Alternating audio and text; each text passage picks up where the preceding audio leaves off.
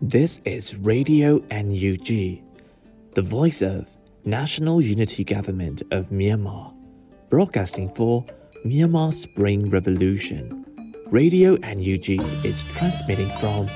shortwave 16 meter 17.71 megahertz at 8 a.m. and 25 meter 11.965 megahertz at 8 p.m. Myanmar Standard Time. မင်္ဂလာပါခင်ဗျာအမျိုးသားညီညွတ်ရေးအစိုးရရဲ့အတန်လွင့်ဌာန Radio NUG ကိုမနက်၈နာရီမှလိုင်းတို16မီတာ7.3 MHz ညပိုင်း၈နာရီမှလိုင်းတို25မီတာ17.665 MHz တို့မှာဓာတ်ရိုက်ဖမ်းယူနားဆင်နိုင်ပါပြီ။မင်္ဂလာအပေါင်းနဲ့ပြည့်စုံကြပါစေ။အခုချိန်ကစပြီး Radio NUG အစီအစဉ်တွေကိုဓာတ်ရိုက်အတန်လွှင့်ပေးနေပါပြီ။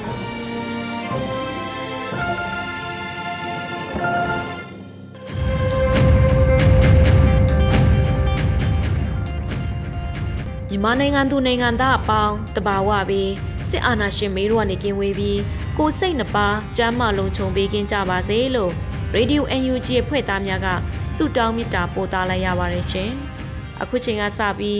Radio UNG ရဲ့နောက်ဆုံးရသတင်းအကြေများကိုຫນွေဦးမုံကတင်ဆက်ပေးမှာဖြစ်ပါတယ်ရှင်။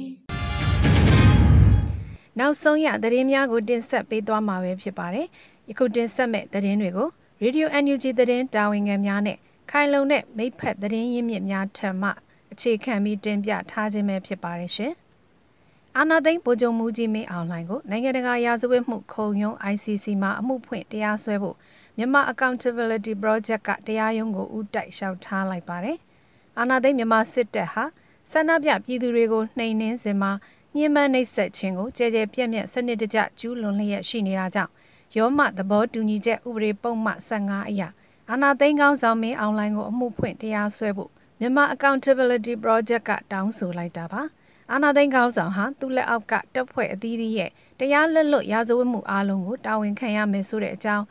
MAP ညွှန်ကြားရေးမှူးဖြစ်သူခရစ်စတိုဖာကန်နက်ကပြောပါတယ်၎င်းတို့စုဆောင်းထားတဲ့အကြမ်းဖက်မှုဆိုင်ရာအထောက်အထားများအပြင်မကြသေးမီကဖြစ်ပွားခဲ့သောဖြစ်ရများက မြန်မာနိုင်ငံတွင်ညှဉ်းပန်းနှိပ်စက်မှုကိုကြဲကြဲပြန့်ပြန့်စနစ်တကျလှုပ်ဆောင်နေတာထင်ရှားကြောင်း MAP ကထောက်ပြပါတယ်။ဒီလောက်ရက်တွေကလူသားမျိုးနွယ်အပေါ်ကျူးလွန်တဲ့ရာဇဝတ်မှုဆိုင်ရာသတ်မှတ်ချက်တွေကိုရှင်းရှင်းလင်းလင်းဖော်ပြပါတယ်လို့ထုတ်ပြန်ချက်မှာဖော်ပြထားပါတယ်။ကျွန်ုပ်တို့ရဲ့ ICC တင်သွင်းမှုကဒီရာဇဝတ်မှုအတွက်မင်းအွန်လိုင်းကိုယ်တိုင်အကျုံးဝင်တဲ့ရာဇဝတ်မှုဆိုင်ရာပြင်းပြင်းထန်ထန်အမှုတရအဖြစ်ချမှတ်ထားပါတယ်လို့ Gannes ကပြောကြားခဲ့ပါတယ်။ ချင်းပြည်နယ်ထန်တလန်မြို့အပါအဝင်မြန်မာနိုင်ငံအနောက်ပိုင်းစလင်းကြီးမြို့နယ်ကအရက်သားတွေအပေါ်တိုက်ခိုက်တပ်ဖြတ်မှုတွေကလူသားမျိုးနွယ်အပေါ်ကျူးလွန်တဲ့ရာဇဝတ်မှုတွေပဲဖြစ်တယ်လို့ကုလသမဂ္ဂရဲ့စုံစမ်းစစ်ဆေးရေးရန်ရာ IMM ရဲ့ပနာမတွေးရှိချက်ဟာ MAP ရဲ့ဆွဆွဲချက်များကိုထောက်ခံအားပြုပေးနေပါတယ်။ဒါဟာလူသားတွေအပေါ်ကျူးလွန်တဲ့ရာဇဝတ်မှုအဖြစ်သတ်မှတ်နိုင်တယ်လို့လည်းပြောပါတယ်။ ဒါကြောင့် ICC ကအာဏာသိမ်းစစ်ခေါင်းဆောင်ကိုအမှုဖွင့်မဲ့အလားအလာကောင်းပြီးမင်းအောင်လိုင်းကိုဖမ်းဝရမ်းထုတ်ဖို့အခြေအနေလည်းရှိတယ်လို့ပြောပါတယ်။စကိုင်းတိုင်းအနောက်မြောက်ပိုင်းမှာကလေးငါးဦးအပါအဝင်ရွာသားများကိုလုံခြုံရေးတပ်ဖွဲ့ဝင်များကပစ်ခတ်ပြီးတော်လှန်မှုကိုလက်တုံပြန်တဲ့အနေနဲ့အရှင်းလက်လက်မီးရှို့ခဲ့ကြောင်းကုလသမဂ္ဂပြောရေးဆိုခွင့်ရှိသူစတက်ဖနီဒူဂျရစ်ကဗုဒ္ဓဟူးနေ့မှာအစီရင်ခံတင်ပြခဲ့ပါသေးတယ်။အာနာသိမ်းပြီးနောက်ပိုင်းစစ်တပ်ကအာနာသိမ်းမှုစန့်ကျင်ရေးဆန္ဒပြပွဲတွေကိုဖြိုခွင်းမှုတွေကြောင့် ကလေးငယ်85ဦးကျော်အပါအဝင်အ ਨੇ ဆုံးလူ1305ဦးသေဆုံးခဲ့ပါတယ်။ဖမ်းဆီးခံထားရသူအ ਨੇ ဆုံး1956ဦးရှိတယ်လို့နိုင်ငံရေးအကျဉ်းသားများကူညီဆောက်ရှောက်ရေးအသင်း AAPP ရဲ့စာရင်းတွေကလည်းထင်ထင်ရှားရှားရှိနေပါတယ်။ကုလသမဂ္ဂစုံစမ်းရေးအဖွဲ့အကြီးအကဲနီကိုလတ်ကိုရင်ဂျီယန်ရဲ့အဆိုအရသတင်းအချက်အလက်ပေါင်း 2,19000ကျော်ကိုစုဆောင်းရရှိခဲ့ခြင်းကလည်းမြန်မာ Accountability Project ရဲ့ဆွဆွဲချက်များကိုထောက်ခံအားကောင်းစေတယ်လို့သိရပါတယ်ရှင်။ဆက်လက်ပြီးအပြည်ပြည်ဆိုင်ရာလူအခွင့်အရေးနှင့်အထိမ့်မှတ်အတန်တိတ်တပိတ်မှာစီလုံးစွာပါဝင်ခဲ့ကြတဲ့ပြည်သူလူထုတို့ကျေးဇူးတင်ဂုဏ်ယူကြောင်းထောက်ပြန်ချက်တစောင်းကိုပြည်ထောင်စုလွှတ်တော်ကိုစားပြုကော်မတီ CRPH ကဒီဇင်ဘာလ10ရက်နေ့ရက်စွဲနဲ့အောက်ပါတိုင်းထုတ်ပြန်ခဲ့ပါတယ်။၁ 2021ခုနှစ်ဖေဖော်ဝါရီလ1ရက်နေ့တွင်အကြမ်းဖက်စစ်အုပ်စုကနိုင်ငံတော်အာဏာကိုမတရားလူယူခဲ့ပြီးနောက်မြန်မာနိုင်ငံ၌စစ်အာဏာရှင်စနစ်အမြင့်ပြည့်ရေးနှင့် Federal Democracy စနစ်ပေါ်ပေါက်လာရေးအတွက်ပြည်သူလူထုတရက်လုံးသည်ကြာယာကဏ္ဍအသီးသီးတွင်နိုင်ရတာဝန်ထမ်းကတညီတညွတ်ထဲဆန့်ကျင်တိုက်ပွဲဝင်လျက်ရှိပါသည်။နှစ်ဆယ်လကျော်ကြာမြမနွေဦးဒေါ်လာရေးခရီးရှည်ကြီးသည်ယနေ့တိုင်းမှေးမိန်မသွားဘဲအရှိန်အဟုန်ပြင်းစွာဆက်လက်ရှေ့ဆက်နေခြင်းမှာ ပြည်သူလူထု၏ပြင်းပြသောစိတ်ဓာတ်နှင့်စူးစီးညီညွတ်မှုကြောင့်သာဖြစ်ပြီးယနေ့တွင်လည်းနိုင်ငံတော်ဝန်လုံး၌တိတ်ဆိတ်ခြင်းဖြင့်အကျယ်လောင်ဆုံးဆန္ဒထုတ်ဖော်နိုင်ခဲ့ခြင်းဖြစ်ပါသည်၃ယနေ့ဒီဇင်ဘာလ10ရက်နေ့တွင်ကြာရောက်သောပြည်ပဆိုင်ရာလူအခွင့်အရေးနေ့တွင်စိတ်သုံးနေတဲ့လူအခွင့်အရေးတော်လန်ရေးနှင့်တိမ့်ပိုက်ကြဟူသည့်ဆောင်ပုတ်ဖြင့်လူမဆန်သောစစ်အုပ်စုကြောင့်စိတ်သုံးသွားခဲ့သောမြမပြည်သူတို့၏လူအခွင့်အရေးများပြန်လည်ရရှိရေးအတန်တိတ်တပိတ်အား တနိုင်ငံလုံးတက်တက်ကြွကြွပါဝင်ဆင်နွှဲခြင်းသည်မြမပြည်သူတရလုံးဤသွေးမအေးသေးသောတော်လှန်ရေးစိတ်ဓာတ်အားထုတ်ဖော်ပြသလိုက်ခြင်းပင်ဖြစ်ပါသည်၄စစ်အာဏာရှင်စနစ်ဆိုအားလုံးဝလက်မခံဟုသောစိတ်ဓာတ်အားလက်ကင်ထားကတိတ်ဆိတ်ငြိမ်သက်ခြင်းတပိတ်တွင်ကမ္ဘာနိုင်ငံများကပင်လေးစားအားကြရလာအောင်စီလုံးညီညွတ်စွာဖြင့်ပူးပေါင်းပါဝင်ခဲ့ကြသည့်မြမပြည်သူတရလုံးအားအထူးပင်ကျေးဇူးတင်ရှိပါကြောင်းဂုဏ်ပြုမှတ်တမ်းတင်အပ်ပါသည်၅ ပြည်ထောင်စုလွှတ်တော်ကိုစားပြုကော်မတီအနေဖြင့်ပြည်သူလူထုစံနာနှင့်အတူစိတ်သုံးနေသောလူအခွင့်အရေးများပြန်လည်ရရှိရေးနှင့် Federal Democracy နိုင်ငံတော်ပေါ်ထွန်းလာရေးတို့အတွက်တန်တမာရေးအပါအဝင်နီလန်ပေါင်းစုံဖြင့်နိုင်ငံတကာအတိုင်းအဝန်းနှင့်ချိတ်ဆက်ကြိုးပမ်းဆောင်ရွက်လျက်ရှိပါကြောင်းထုတ်ပြန်အပ်ပါသည်လို့ရေးသားထုတ်ပြန်ခဲ့ပါတယ်ရှင်။ဆက်လက်ပြီးဒီဇင်ဘာလ17ရက်နေ့မနက်ခင်းနဲ့နေ့လယ်ခင်းတွေမှာတင်ဆက်ခဲ့တဲ့သတင်းကောင်းစင်တွေကိုပြန်လည်ဖတ်ကြားပေးပါမယ်ရှင်။ 2021ခုနှစ်ဒီဇင်ဘာလ10ရက်နေ့မှာကြာရောက်တဲ့ပြည်ပဆိုင်ရာလူအခွင့်အရေးနေ့အတွက်မြို့သားညီညွတ်ရေးအစိုးရယာယီသမရဒူဝါလက်ရှိလာကတဝန်လွှာပေးပို့ခဲ့တဲ့တဲ့ခေတ်ဆက်ဆက်မြမစစ်တပ်ဟာပြည်ထန်ကင်းလွတ်ခွင့်ရနေတာကိုအဆုံးသတ်ရမယ်လို့အမေရိကန်ကပြောကြားလိုက်တဲ့တဲ့အီနိုင်ကျေးရွာတိုက်ပွဲအတွင်းစစ်ကောင်စီကကျေးရွာကန်နဲ့ခီးတဲ့တရားကန်ကိုလူသားတိုင်းအဖြစ်အသုံးချခဲ့တဲ့တဲ့ တရုတ်နိုင်ငံဘက်မှမူဝါဒအမျိုးမျိုးပြောင်းလဲနေသောကြောင့်ဖျဲစည်းကွက်ပျက်စီးနေတဲ့တဲ့ဒီဇင်ဘာ10ရက်နေ့အတန်တိတ်တပိတ်တိုက်ပွဲမှာပါဝင်သူပြည်သူအလုံးကို NUG အစိုးရကကျေးဇူးတင်ကြောင်းပြောကြားခဲ့တဲ့တဲ့စစ်ကောင်စီတပ်ရဲ့လှုပ်ရှားမှုများကြောင့်အချိန်မရွေးတိုက်ပွဲဖြစ်လာနိုင်တာကိုပြည်သူများစစ်ရေးသတိရှိကြဖို့ ULA AA ကသတိပေးခဲ့တဲ့တဲ့အတန်တိတ်တပိတ်ကိုဆင်နွှဲခဲ့ရမှစိုင်းပြန်လဲဖွင့်လှစ်သူများကိုကျန်းဖတ်စစ်တပ်ကတားမြစ်နှောက်ယှက်လျက်ရှိကြောင်းသတင်း စသီတို့ကိုတင်ဆက်ပေးခဲ့တာဖြစ်ပါတယ်။ကျမຫນွေဦးမော်ပါ Radio UNG ရဲ့နောက်ဆုံးရသတင်းအကျဉ်းများကိုနားဆင်ကြရတာဖြစ်ပါတယ်။ဆက်လက်ပြီးတော့တက္ကသចောင်းသားဟောင်းများအင်အားစုမှကိုနန်းလင်းနဲ့အမျိုးသမီးမဟာမိတ်အဖွဲ့မှမအင်းမြင့်အောင်အောင်တို့ရဲ့ Silent Strike တိုက်ပွဲကွန်ပျူတာစကားသံတွေကို ထုတ်လွှင့်ပေးပါစေရှင်။ဒီကနေ့ Silent Strike မှာပြည်သူတွေရဲ့ပါဝင်မှုပြည်သူတွေရဲ့ညီညွတ်မှုဟာတန်းနဲ့ကြည်သောပြည်သူများဟာစစ်ကောင်စီကိုစန့်ကျင်ပုံကံမှုတွေစစ်ကောင်စီကိုစန့်ကျင်ဒေါ်လာနေမှုတွေဟာသွေးမအေးသေးဘူးဆိုတာကိုညီညီညွတ်ညွတ်ပြသနိုင်တဲ့အတွက်ကျွန်တော်တို့ဒီနေရာမှာပြည်သူလူထုတရက်လုံးနဲ့ဂုဏ်ယူရဲဆိုတာကိုဥစားပြောလို့တယ်။ဘာကြောင့်လဲဆိုတော့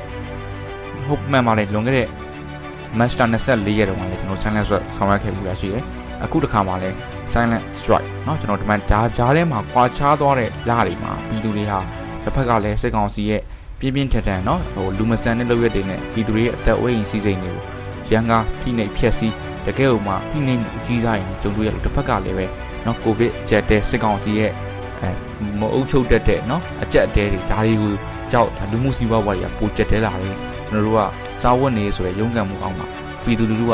ပြန်ပြီးတော့ဟိုလဲပတ်နေရတာဖြစ်ပါတယ် ထို့တော့ဒီနေ့မှာတော့ပြည်သူတွေဟာဒီလိုမျိုးစားဝတ်အနေရနော်လက်ပတ်နေမှုတွေဟာငါတို့ငါတို့ဘာသာငါတို့လက်ပတ်နေတာငါတို့ရက်ပြစ်ချင်လဲငါတို့ရက်ပြစ်ချင်လို့ရတယ်ငါတို့ညီတင်နဲ့ညီလို့ရတယ်ဆိုတာကိုတကယ်ကိုမှအရင်ကြီးကြီးမားမားစိုက်ထုတ်ပြီးတော့ဒီနေ့မှာပြည်သူတွေသူတို့တရတော်ပေါဝင်ခဲ့ပါတယ်ဒါအပြင်ဒီလောက်စစ်ကောင်စီရဲ့ဖိနှိပ်မှုပြင်းထန်နေချိန်မှာဟောဒီလိုပြည်သူတန်းတဲ့ချီပါဝင်နိုင်မှုဒီစစ်ကောင်စီ ရဲ့ဖိနှိပ်မှုเนาะကျွန်တော်တို့ဟလာနီလန်းဘောင်းဆောင်သုံးပြီးလူမဆန်မှုတွေဟာအတုံးဝင်မနေဘူးပြည်သူကတော့ဘလို့ဘယ်ပုံပဲနည်းမဆိုရတဲ့ခွင့်မှာရတဲ့ပုံစံနဲ့ပါဝင်နေမဲဆိုတာကိုကျွန်တော်ဒါပြသနိုင်တာဖြစ်ပါတယ်ဒီကနေ့ဟာပြည်သူရဲ့ညီညွတ်မှုပြည်သူရဲ့သွေးစည်းမှုပြည်သူချင်းယုံကြည်မှုဒါတွေကိုပြသနိုင်တဲ့တမိုင်းဝင်နေ့တစ်နေ့ဖြစ်တယ်လို့ကျွန်တော်တို့ပြောလို့တယ်ဒီစိတ်တဲ့เนาะဒီကနေ့တိုက်ပွဲရဲ့เนาะကျွန်တော်တို့တကယ်ညီညွတ်မှုတွေကိုဆက်တည်သွားပြီးတော့စစ်ကောင်စီတော့မကြမဆုံးမချင်းစစ်အာဏာရှင်စနစ်အမြင့်ပြတ်ခြင်း ဆက်ပြီးတော့တိုက်ပွဲဝင်သွားကြပါလို့လည်းကျွန်တော်ထပ်ပြီးတော့လူလူကြီးတွေရဲ့လုံးမေတ္တာရက်ခံခြင်းပါတယ်ကျွန်တော်တို့ရဲ့မေဘူးတော်လန်ကြီးအောင်ပွဲဟာခေါရိုးမိမဟုတ်ဘူးကျွန်တော်တို့ဟာကိုတီစစကားပြောရရင်တာဝေးပြေးပွဲဖြစ်နိုင်တယ်တာလက်ပြေးပွဲဖြစ်နိုင်တယ်ကျွန်တော်တို့ဟာရှေ့ဆက်ပြီးတော့လေဒီအောင်စိတ်နော်ဒီယုံကြည်ချက်ဒီတော်လန်စိတ်နဲ့ဆက်ပြီးတော့တိုက်ပွဲဝင်ကြအောင်ပါခင်ဗျာပြည်သူတွေရဲ့နာကြီးချက်တွေပေါ့နော်ပြည်သူတွေရဲ့နာကြီးချက်တွေပြည်သူတွေရဲ့ညီညွတ်မှုတွေကိုဒီနေ့ silent strike မှာမြင်လိုက်ရတာပဲဗျာအဲ့တော့ တို့ပြည်သူတွေကဒီနေ့ဒီချိန်ထိအသွေးမအေးသေးဘူးစစ်အာဏာရှင်ကိုစန့်ကျင်နေသေးတယ်ဆိုတာဒီနေ့တက်သေးပဲဗျာလမ်းမပေါ်ဒီမှာဆိုလို့ရှိရင်လည်းအားလုံးကတိတ်ဆိတ်ပြီးတော့ခွေးတွေပဲရှိတယ်ဗျာဆက်လက်ပြီးတော့တိုက်ပွဲကိုမှန်တဲ့လမ်းစဉ်နိုင်မဲ့နီလာနဲ့ဖြစ်စေခြင်းအမိရအဆောင်ပါຫນွေဦးမုံဖတ်ကြားထားတာကို နားဆင်ရပါမယ်ရှင်တိုက်ပွဲကို မှန်တဲ့လမ်းစဉ်နိုင်မဲ့နီလန်းနဲ့ဖြစ်စေခြင်း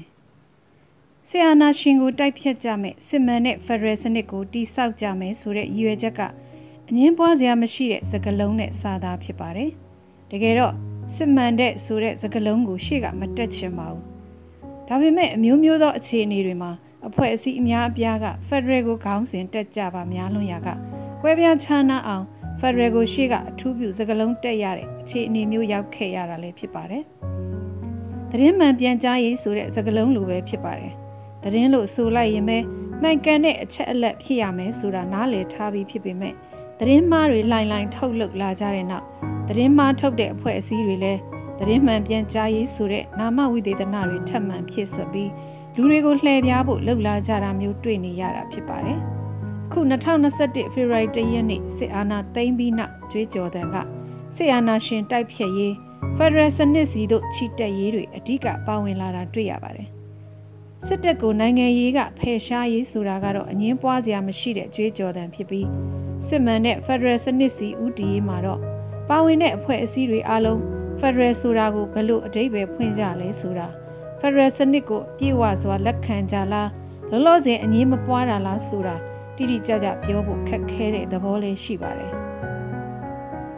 ဒီနေ့အဓိကပြောခြင်းတဲ့အကြောင်းအရာကတော့တူညီတဲ့ရည်ရွယ်ချက်ပန်းတိုင်ဖြစ်တဲ့ဆီယနာရှင်စနစ်တိုက်ဖြတ်ရေးဒီမိုကရေစီစနစ်ရောက်ရှိဖို့ဦးတည်သွားကြရမှာမှန်ကန်တဲ့လမ်းစဉ်နဲ့အနိုင်ရရှိနိုင်မဲ့နည်းလမ်းမျိုးကိုဦးဆောင်တဲ့အဖွဲ့အစည်းတွေလူပုဂ္ဂိုလ်တွေအနေနဲ့ချမှတ်နိုင်ကြဖို့ဖြစ်ပါတယ်။နယူးဒေါ်လန်ရေးဆိုတဲ့လှုပ်ရှားမှုကကာလတစ်ခုရောက်နေချိန်မှာမှအခုလိုအကြောင်းအရာကိုဆွေးနွေးရလားလို့ အပြစ်တင်ခြင်းလဲတင်ကြပါလိမ့်မယ်။ဒါပေမဲ့ဆယ်လကျော်ကြာလာတဲ့အခါမှာလဲရှောက်ခဲ့တဲ့လမ်းစဉ်နီးလန်းတွေကိုပြန်သုံးသပ်ဖို့လိုအပ်မှာအမှန်ပဲလို့ယူဆလို့ဖြစ်ပါတယ်။1988ခုနှစ်အရေးအခင်းကိုစစ်အာဏာသိမ်းမှုနဲ့အင်အားသုံးဖြိုခွဲခံရပြီးနောက်မှာလဲလမ်းစဉ်အားဖြင့်ပါတီဖွဲ့စည်းပြီးဆက်လက်လှုပ်ရှားမယ်လမ်းစဉ်လက်နက်ကိုင်းပြီးတိုက်ခိုက်ဖယ်ရှားမယ်ဆိုတဲ့လမ်းစဉ်ဆိုပြီးအဓိကနှစ်မျိုးကွဲပြားပြီး NLD ပါတီအပါအဝင်အ ခြားသောနိုင်ငံရေးပါတီအများအပြားဖွဲ့စည်းလှုပ်ရှားခဲ့ကြတာဖြစ်ပါတယ်။လက်နက်ကိုင်းလမ်းစဉ်ကိုရွေးချယ်ခဲ့တဲ့လူငယ်လူလက်ပိုင်းတွေလည်းတိုင်းရင်းသားလက်နက်ကိုင်းဒေသတွေမှာလက်နက်ကိုင်းအဖွဲ့တွေတဲ့ဝင်သူဝင် ABSDF ဆိုပြီးចောင်းသားတက်မတော်ဖွဲ့က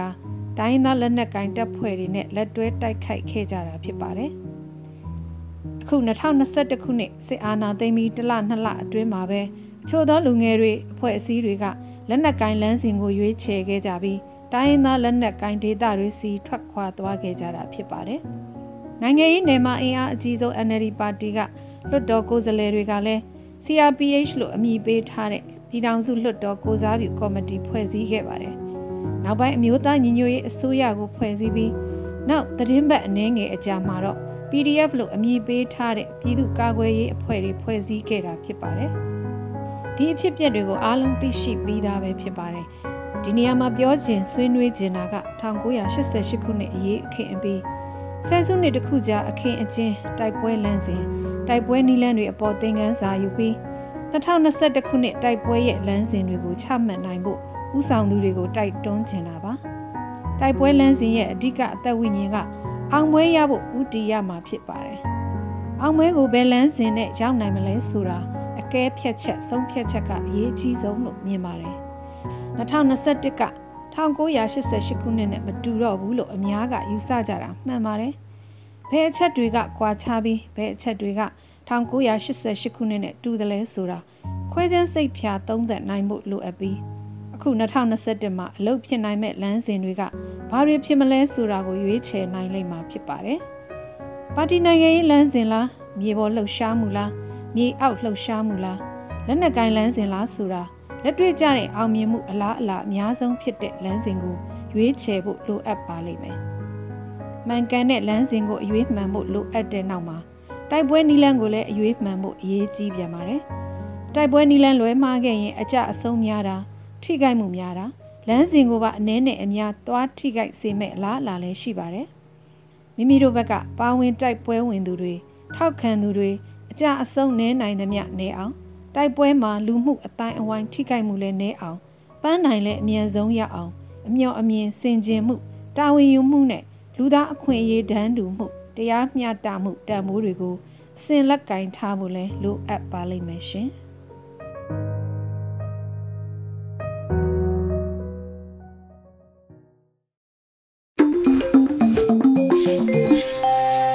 ဆက်လက်ပြီးတော့ဒေါက်တာဖြိုးတီဟာရေးသားတဲ့ mobile data အခက်အခဲကိုဘယ်လိုကျော်လွှားကြမလဲဆိုတဲ့အကြောင်းဟိန်းကိုကိုကတင်ဆက်ပေးပါမယ်ရှင်။ mobile data အခက်အခဲကိုဘယ်လိုကျော်လွှားကြမလဲ။ mobile data တွေဈေးတိုးမြင့်လိုက်တဲ့သတင်းတော့အားလုံးသိပြီးကြပြီထင်ပါတယ်။ဘာကြောင့်ဆိုတော့ကာယကံရှင်ကျင်ဆိုးတို့ပဲသိမယ်ဆိုပေမဲ့မပြေးတော့ကံရရှိဆိုသလို Digital Strike နဲ့သတင်းစီးဆင်းမှုတွေကိုတားဆီးကျင်လို့လို့ပဲမှတ်ယူရမှာဖြစ်ပါတယ်။ ကြည့်မနိုင်ပန်းမီနီလန်းကကားနဲ့တိုက်သက်တဲ့ဗီဒီယိုဖိုင်မျိုးဆိုအင်မတန်အထိနာခဲ့တယ်ပြောရမှာကို Wi-Fi ကလည်းတနိုင်ငံလုံးအတိုင်းအတာအားဖြင့်တော့မလွှမ်းခြုံနိုင်တာမို့လို့ mobile data ကိုပဲ CC စစ်စစ်နဲ့သုံးနိုင်ဖို့လိုပါတယ်။အများစုအသုံးများတာက application အနေနဲ့ဆိုရင် Facebook ဖြစ်ပြီး data အစားဆုံးက video content တွေဖြစ်ပါတယ်။ဒီအတွက်လေးလာမိသလောက်အကြံပြုလိုတာက1 internet ကို package နဲ့သုံးပါ ဒီအတိုင်းသုံးတာကကုန်ကျစရိတ်ပိုများပါတယ်2 package ဝယ်ဖို့ကတစ်လကိုကို data ပမာဏဘလောက်သုံးလဲပေါ်မူတည်ပြီးဝယ်မယ်ဆိုရင်ပိုအဆင်ပြေပါတယ်မသုံးနိုင်မဲ့ပိုဝယ်ထားမိတာမျိုးမဖြစ်တော့သလိုတလတလကိုယ့်ရဲ့ဖုံးပေကုန်ကျစရိတ်ကိုလည်းချိန်လို့ရသွားမှာပါအရင်ကတလ2000ကုန်တယ်အခု3000ဆိုရင်ပိုလာတဲ့1000အတွက်ဘယ်နေရာကနေရှော့လို့ရမလဲဆိုတာစဉ်းစားလို့ရသွားမှာဖြစ်ပါတယ် ဥပမာအစားအသောက်မှာစားတာမျိုးပါနောက်ပြီး digital strike နဲ့သတင်းစီးဆင်းမှုကရက်လို့မဖြစ်တဲ့အတွက်ကိုယ့်ရဲ့ entertainment အတွက်သုံးတဲ့တခြားဟာတွေဖြစ်တဲ့ဥပမာ Netflix တို့လို game တို့လိုတွေကိုနည်းနည်းလျှော့လို့ရသွားပါမယ်3 bonus အစီအစဉ်တွေကိုမပြတ်စောင့်ကြည့်ပါဒါမှများများသုံးနိုင်ပါလိမ့်မယ်၄ application update တွေကို Wi-Fi ရှိတဲ့နေရာမှာလုပ်ပါ ဒီအတွက် application တွေကို auto update ဖြစ်မနေအောင်တေချာဝင်စစ်ကြည့်ပေးပါငါ Facebook သုံးတဲ့အခါကိုယ့်အတွက်အရေးကြီးလိုအပ်တာတွေကိုရှာဖတ်တဲ့အလေးအကျင့်လုပ်ပါဒီလို scroll down လုပ်ပြီးသုံးတာက data တွေကိုကုန်မှန်းမသိကုန်စေပါတယ်နောက်ပြီးကိုယ့်ရဲ့ favorite list ဖြစ်တဲ့အရင်က CFS ကိုလည်းပြန်စစ်ပါဆယ်လီတွေကိုထားထားမိရင်ခဏပြန်ဖြုတ်ပြီး NUG ရဲ့ page တွေ click to donate လို့ page တွေနဲ့တခြားသတင်းဌာနတွေကိုဦးစားပေးထားပေးပါ ဒါဆိုရင် Facebook ဖွင့်မယ်ဒီသတင်းတွေဖတ်မယ်ကိုဖတ်ချင်တဲ့တချို့လူတွေရဲ့စာတွေကို search box ကနေရှာမယ်နည်းနည်းဖြစ်ဖြစ်တော့ပုတ်မယ်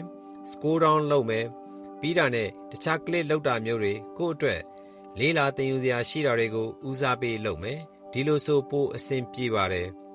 6ဗီဒီယိုတွေမှာ auto play ပိတ်ထားပါဒါဆိုရင်ကို play ဆိုပြီးနှိပ်မှပွင့်မှာဖြစ်လို့ data ကုန်တာတက်တာပါတယ် video resolution လည်းချထားပါခုနှစ်ထက်ခါထက်ခါပြန်ကြည့်ဖို့လိုတဲ့သင်ကြားရေးဗီဒီယိုတွေများဖြစ်နေရင်တခါတည်းဒေါင်းထားပါ YouTube Netflix စတာတွေမှာလည်းအဲ့လို download လုပ်ပြီးကြည့်ရတာပိုအဆင်ပြေပါတယ် click to donate ကဗီဒီယိုတွေကိုဆိုလိုတာမဟုတ်ပါဘူးဥပမာတရားတော်တွေတခြင်းတွေ workout video file တွေစသဖြင့်ကိုနေတိုင်းကြည့်မဲ့ဗီဒီယိုတွေကိုဆိုလိုတာပါ ဒီလောက်ဆိုရင်အတိုင်းအတာတစ်ခုထိချွေတာပြီးသားဖြစ်လိမ့်မယ်လို့ထင်ပါတယ်ငွေကိုစီးစစ်ပြီးသုံးနေရသူတွေအတွက်အဓိကရည်ရွယ်တာပါစင်ရချမ်းသာကွာခြားတတ်ကြတာမို့လို့ဘလို့ဈေးတက်တက်သိမသိတာဘူးဆိုတဲ့သူတွေက Digital Strike မှာများများပါဝင်ပေးပါ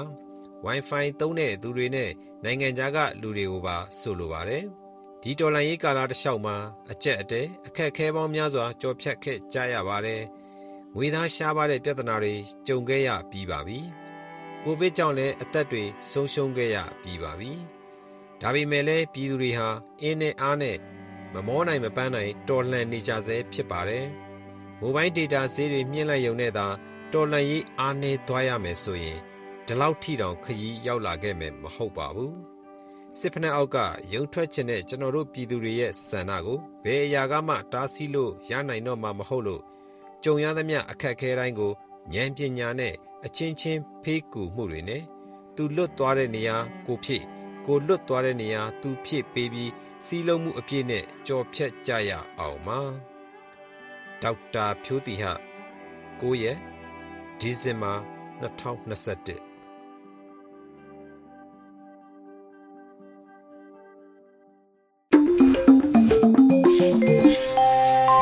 ဆက်လက်ပြီးဘုံရည်တင်ရေးသားတဲ့တယောစာတစ်ပုဒ်ကိုရေဒီယိုဝိုင်းတော်သားများကတင်ဆက်ထားတာနားဆင်နိုင်ပါပြီ။အပြောသူတော်ကောင်းများဖြစ်ပါရဲ့ရှင်။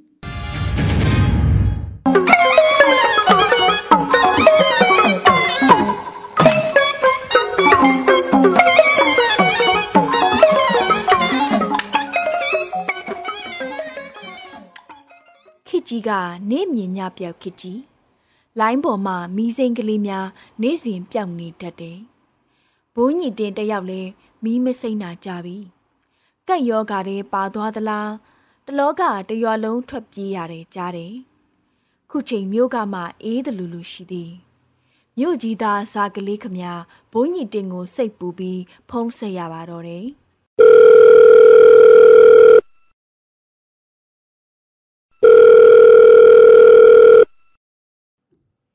ဟယ်လိုဘုန်း ကြီးတင်းရှိသလားရှိပါမောင်စားကလေးရေဘုန်းကြီးတင်းအတန်ကြားရတာဝမ်းသာလိုက်တာနေမကောင်းရဲ့လားလို့ကောင်းပါတဗျာဒေါင်ဒေါင်မြည်ပါပဲဆရာလေးမြင့်ထူးတို့မောင်တင်စော်ထွန်းတို့ရောငါတို့တရွာလုံးနေကောင်းကြပါတယ်ကွာမင်းတို့စီတာကိုဗစ်ဖြစ်တာငါတို့စီမဖြစ်ပေါင်းအဲအဖျားကြီးအသက်ရှူချက်သေသူတွေတော့ရှိတဲ့ပေါ့ကွာကိုဗစ်စစ်စရာမရှိ ဆေးကုပေးသူမရှိတော့လဲကိုဗစ်လို့တစ်ထစ်ချမပြောနိုင်ဘူးလေယာတီတုတ်ကွေးဖြစ်တယ်လို့ပဲမှတ်လိုက်ကြရတယ်ဇာဝင်နေရေးအချိန်တွေကရောပြေလည်ကြရဲ့လားပြေလေတပမောင်ငါတို့ကခေါင်းဆောင်ကြီးလမ်းမညွန်ငင်ကလေးကဆန်လျှော့စီလျှော့စားနေကြရတာငပြောသီးကလည်းနေတိုင်းစားရပါတယ်ဗျာပွဲစားလာမခုတ်တော့ကို့ဖာသာဝေမျှစားနေကြရတာ ဒိုင်းပေါ်မှာဘုန်းကြီးတင်စာရေးတာမတွေ့လို့ကျုပ်စိတ်ပူနေတာဗျငါစာတွေနဲ့ဗမာပြည်သူတွေမတန်ဘူးထင်လို့စာမရေးတော့တာကွ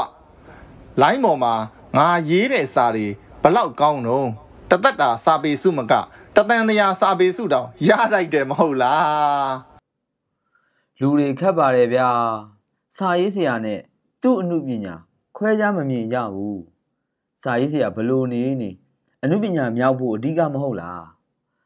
မော်ခင်မော်ဝင်းခင်ညွန့်တို့နှစ်40စစ်တပ်အတွေ့အကြုံကြီးတဲ့ဘိုးချုပ်ကြီးတို့တသက်တာစာပေစုရတဲ့နာပေါ့ဗျာဟိုးနှစ်တွေကတိမ်မြုပ်နေတဲ့ဂလုံဥသောစာအုပ်ထုတ်တယ်ဝယ်သူမရှိလို့စာကြည့်တိုက်တွေလိုက်လူရတယ်ဆိုပဲဒေဝရက်ဟောကြားတဲ့တရားဒေသနာတွေလဲထုတ်ဖော်တဲ့တကွသူ့ထဲကမှကောင်းတာတွေအများကြီးရှိမှာပါဒေါက်တာဘွဲ့ရဆရာတော်ကြီးတွေတာဝန်ပေါ့ကွာဒါနဲ့စကားမဆက် မင်းတို့စီမှာနိုင်ငံခြားကတန်တမန်တွေလာလာကြီးလားလူသားချင်းစာနာမှုအကူအညီပေးကြင်ကြလို့ဆိုငါတို့မီးလောင်ခံရတဲ့အိမ်တွေပြန်ဆောက်ပေးတော့မှာပေါ့ငါတို့ရွာလေးတွေအတွက်စေဝါရိတ်ခါတွေလဲရတော့မှာပေါ့ဘုန်းကြီးတင်ကလည်းဗျာ88ကစောက်ချိုးတွေပေါ့88တုံးကလည်းကျွန်တော်တို့ဘာအကူညီရခဲ့လို့တော့လူအခွင့်အရေးဒီမိုကရေစီအရေးတွေတွင်တွင်ပြောနေကြတဲ့ အပြောသူတော်ကောင်းတွေပေါ့ဗျာနိုင်ငံခြားတန်တမန်တွေကစေ့ဆက်ဆွေးနွေးရေးပြောလိုက်တာနဲ့ပြည်တွင်းကပလေတိုတာလိကာတွေကလည်းညီလိုက်ကြတာစောစောတုန်းကတော့ဘာတမ်းမှမထွက်ကြဘူးဟို88ပွင့်လန်ကနေခွဲထွက်ပြီးပါတီထောင်တဲ့ပုံကိုယ်ကလည်းပြည်သူတွေဘဝမလုံခြုံတော့ဘူးလို့ပြောရှာတဲ့သူတို့ပြောရတယ်ဟုတ်တယ်ဗျာလေလိုင်းအစိုးရဆိုတာဟာကအကြမ်းဖက်အဖွဲ့အစည်းပဲ ဘာပြောင်လက်ထက်ကလေးကနိုင်ငံတော်ငြိမ်းချမ်းရေးကိုအာသွန်ဆိုင်လှုပ်ရှားအဲအဲလေးလောက်ကင်နေတဲ့ငြိမ်းချမ်းရေးအကျိုးတော်ဆောင်အဖွဲ့ကိုတတ်မိန်ပေးထားတဲ့ဟုတ်လားတော်တော်အကြံပတ်ဆက်တဲ့လေလိုင်းအစိုးရပါလားဒီငိမ့်ချမ်းရေးအကျိုးတော်ဆောင်တွေခမညာကိုကျိုးစွန့်ဒေါ်လာစားပြီးအကျိုးဆောင်နေကြရတာပါကွာနှစ်တိုင်းတောင်ငင်းချမ်းရေးနိုဘယ်ဆုပေးတင်သေးတယ်နိုဘယ်ဆုကော်မတီကမျက်နာလိုက်လို့ သူတို့ခမညာစုမရကြရှာတာဟုတ်တယ်ဗျို့မြန်မာပြည်မှာငိမ့်ညံ့ရေးနိုဘယ်ဆုရတဲ့တဲ့လူတွေအများကြီးပဲ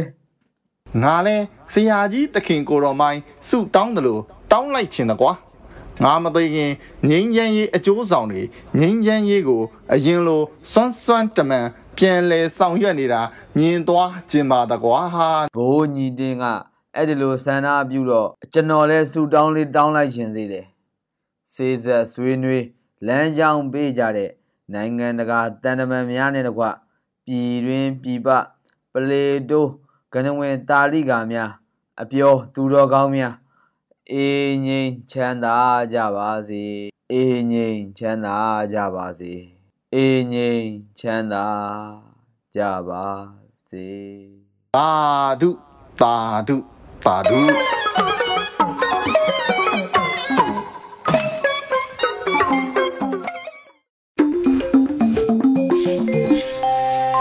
တက်လက်နားဆင်ရမှာကတော့တော်လိုင်းရေးတေးဂီတအစီအစဉ်ဖြစ်ပါတယ်။ပြည်သူတွေရဲ့ရင်ထဲကစကားသံတွေကိုခုလိုမျိုးတေးသချင်းနဲ့ဖော်ပြလိုက်ပါတယ်ပြည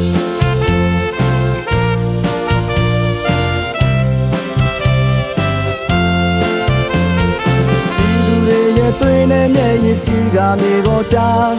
ရှောင်းလေးဖြာတဲ့ငြိမ်းချမ်းရေးနဲ့လူကျင်တာမတရားရာဇဝင်တွင်အောင်တမိုင်းရိုင်းမဲ့အာနာရှင်တွေကိုပြည်သူတွေ ကတိမှန်မပြူပါနောက်လာမဲ့တို့မျိုးဆက်အတွက်တူတူရင်ဆိုင်က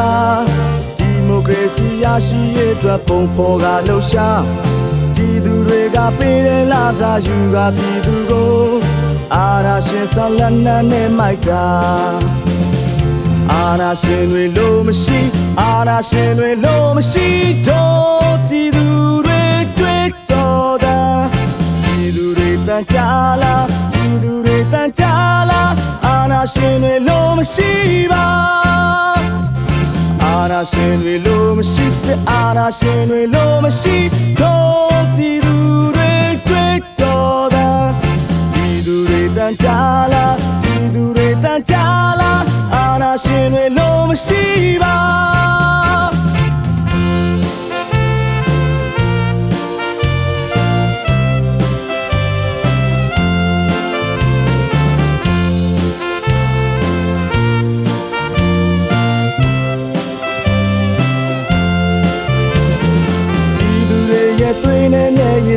ည်စီကမြေပေါ်ချရှောင်းလီဖြာတဲ့ငြိမ်းချမ်းရေးနဲ့လူကျင်တာမတရားရာဇဝင်တွင်အောင်တမိုင်းရိုင်းမဲ့အာနာရှင်တွေကိုပြည်သူတွေကတိမှန်မပြူပါနောက်လာမဲ့တို့မျိုးဆက်အတွက်တူတူရင်ဆိုင်ကဒီမိုကရေစီရရှိရေးအတွက်ပုံပေါ်ကလှူရှားပြည်သူတွေကပေးတဲ့လာစားယူကပြည်သူကိုအာရရှိဆလန်းနဲ့မိုက်တာ အာရရှိကိုလို့မရှိအာရရှိကိုလို့မရှိတို့ပြည်သူတွေတွေ့တော်တာပြည်သူတွေတန်ကြလားပြည်သူတွေတန်ကြလားအာရရှိတွေလို့မရှိပါအာနာရှင်တွေလို့မရှိစစ်အာနာရှင်ကိုလို့မရှိတို့ပြည်သူ တွေတန်ကြလားပြည်သူတွေတန်ကြလားအာနာရှင်ကိုလို့မရှိပါဒီကနေ့ကတော့ဒီညနေပဲ Radio NUG ရဲ့အစီအစဉ်တွေကိုခਿੱတရနာလိုက်ပါမယ်မြန်မာစံတော်ချိန်မနက်၈နာရီနဲ့ညနေ၈နာရီအချိန်တွေမှာပြန်လည်ဆုံတွေ့ကြပါစို့